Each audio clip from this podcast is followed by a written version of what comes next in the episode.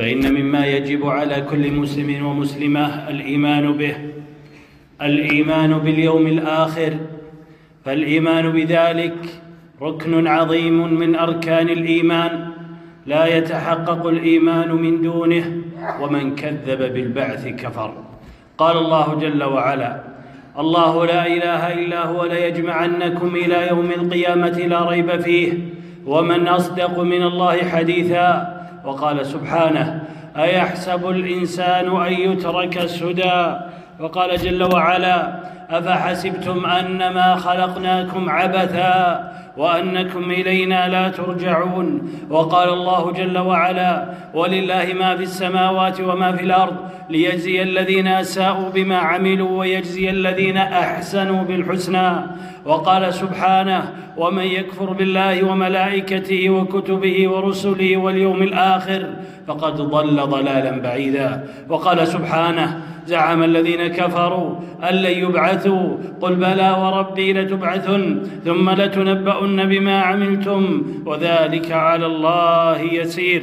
روى مسلم عن عمر بن الخطاب رضي الله عنه في خبر في خبر جبريل ومقدمه على رسول الله صلى الله عليه وسلم أنه سأل رسول الله صلى الله عليه وسلم عن الإيمان فقال أن تؤمن بالله وملائكته وكتبه ورسله واليوم الآخر وبالقدر خيره وشره. والإيمان باليوم الآخر. أن تؤمن بما يكون عند الموت من نزول الملائكة لقبض الروح وما يكون من الأحوال عند معاينة الموت وما يكون في القبر من سؤال وجواب ونعيم وعذاب وما يكون من البعث بعد الموت والحساب والميزان والصراط والحوض والثواب والعقاب والجنة والنار وما في عرصات يوم القيامة من الوقوف بين يدي الله ونشر الصحف رؤية المؤمنين لربهم سبحانه وتعالى وتكليم الله سبحانه إياهم وما في ذلك الموقف العظيم من أهوال وأحوال وجميع ما وصف الله به يوم القيامة وما يكون من مقدمة يوم القيامة من أشراط الساعة وغير ذلك مما جاء في القرآن الكريم والسنة الصحيحة عن رسول الله صلى الله عليه وسلم فيجب الإيمان بذلك كله وتصديقه على الوجه الذي بينه الله سبحانه ورسوله صلى الله عليه وسلم. وقد كثر في نصوص الكتاب والسنة أن يقرن الله جل وعلا وما ثبت في السنة بين الإيمان بين الإيمان بالله والإيمان باليوم الآخر وبين العمل واليوم الآخر كما قال الله جل وعلا ولكن البر من آمن بالله واليوم الآخر والملائكة والكتاب والنبيين وهكذا في سنة رسول الله كما في صحيح مسلم عن أبي هريرة رضي الله عنه أن النبي صلى الله عليه وسلم قال من كان يؤمن بالله واليوم الآخر فليقل خيرا أو ليصمت ومن كان يؤمن بالله واليوم الآخر فليكرم جاره ومن كان يؤمن بالله واليوم الآخر فليكرم ضيفه. كما لا تكاد تخلو سورة من سور القرآن الكريم عن التحدث عن اليوم الآخر أو الإشارة إليه أو إلى ما فيه من النعيم أو العذاب أو الجزاء أو الحساب ونحو ذلك وكثر وكثر في القرآن وكذا في سنة رسول الله صلى الله عليه وسلم بيان أسماء اليوم الآخر فهو يوم الدين وهو اليوم الآخر وهو يوم القيامة وهو اليوم المنشور ويوم التغابن ويوم الآزفة وغير ذلك من الأسماء الثابتة في الكتاب والسنة كما أنه من مقتضى عدل الله أن هناك يوما آخر يقتص الله فيه للمظلوم من الظالم ويكافئ المحسن على إحسانه ويعاقب المسيء على عصيانه كما قال الله جل وعلا ولا تحسبن الله غافلا عما يعمل الظالمون إنما يؤخرهم ليوم تشخص فيه الأبصار مهطعين مقنعي رؤوسهم لا يرتد إليهم طرفهم وأفئدتهم هوى وأنذر الناس يوم يأتيهم العذاب. فيقول الذين ظلموا ربنا أخرنا إلى أجل قريب نجب دعوتك ونتبع الرسل. أولم تكونوا أقسمتم من قبل؟ ما لكم من زوال. وسكنتم في مساكن الذين ظلموا أنفسهم. وسكنتم في مساكن الذين ظلموا أنفسهم. وتبين لكم كيف فعلنا بهم وضربنا لكم الأمثال. وقد مكروا مكرهم وعند الله مكرهم وإن كان مكرهم لتزول منه الجبال. فلا تحسبن الله مخلف وعده رسله.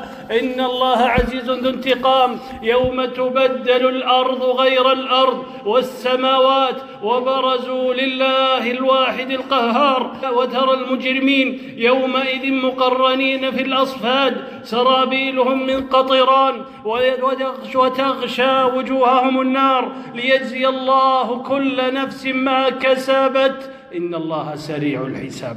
مما يدل على عظيم أمر هذا الركن العظيم من أركان الإيمان وأن اليوم الآخر والبعث بعد الموت من المعلوم ضرورة من دين الإسلام وأن شاهده قائم بالعقل والفطرة مما يزيد من قيام الحجة على المعرضين عن طاعة رب العالمين.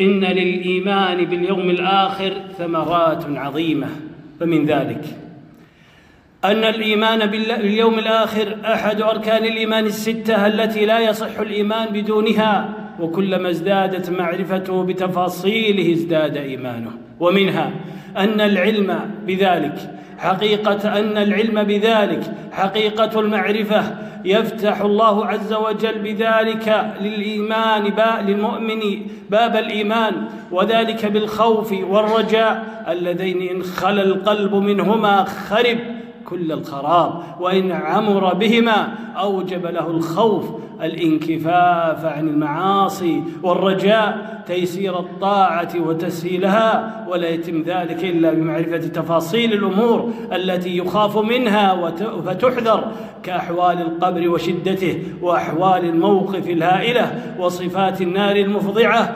وبمعرفة تفاصيل الجنة وما فيها من النعيم المقيم والسرور والحبور ونعيم القلب والروح والبدن. يحدث بذلك الاشتياق وعظيم الرجاء الداعي لاجتهاد في السعي إلى الله جل وعلا بما يرضيه ومنها. أن يعرف أن يعرف العبد بذلك فضل الله عليه وعظيم عدله في المجازات على الأعمال الصالحة والسيئة الموجبة لكمال حمده والثناء عليه بما هو أهله. وعلى قدر وعلى قدر علم العبد بتفاصيل الثواب والعقاب يعرف بذلك فضل الله عليه وأنه العدل الحكيم. ومنها عظيم الباعث في الرغبة بالعمل. ومنها أن أصل صلاح القلوب وأصل الرغبة في الخير والرهبة من الشر اللذين هما هما أساس الخيرات هو أن هو أن ترجو الله واليوم الآخر فترجو النجاة وتخشى العقاب. كما قال الله جل وعلا أمن هو قانت آناء الليل ساجدا وقائما يحذر الآخرة ويرجو رحمة ربه. قل هل يستوي الذين يعلمون والذين لا يعلمون؟ إنما يتذكر أولو الألباب. ومنها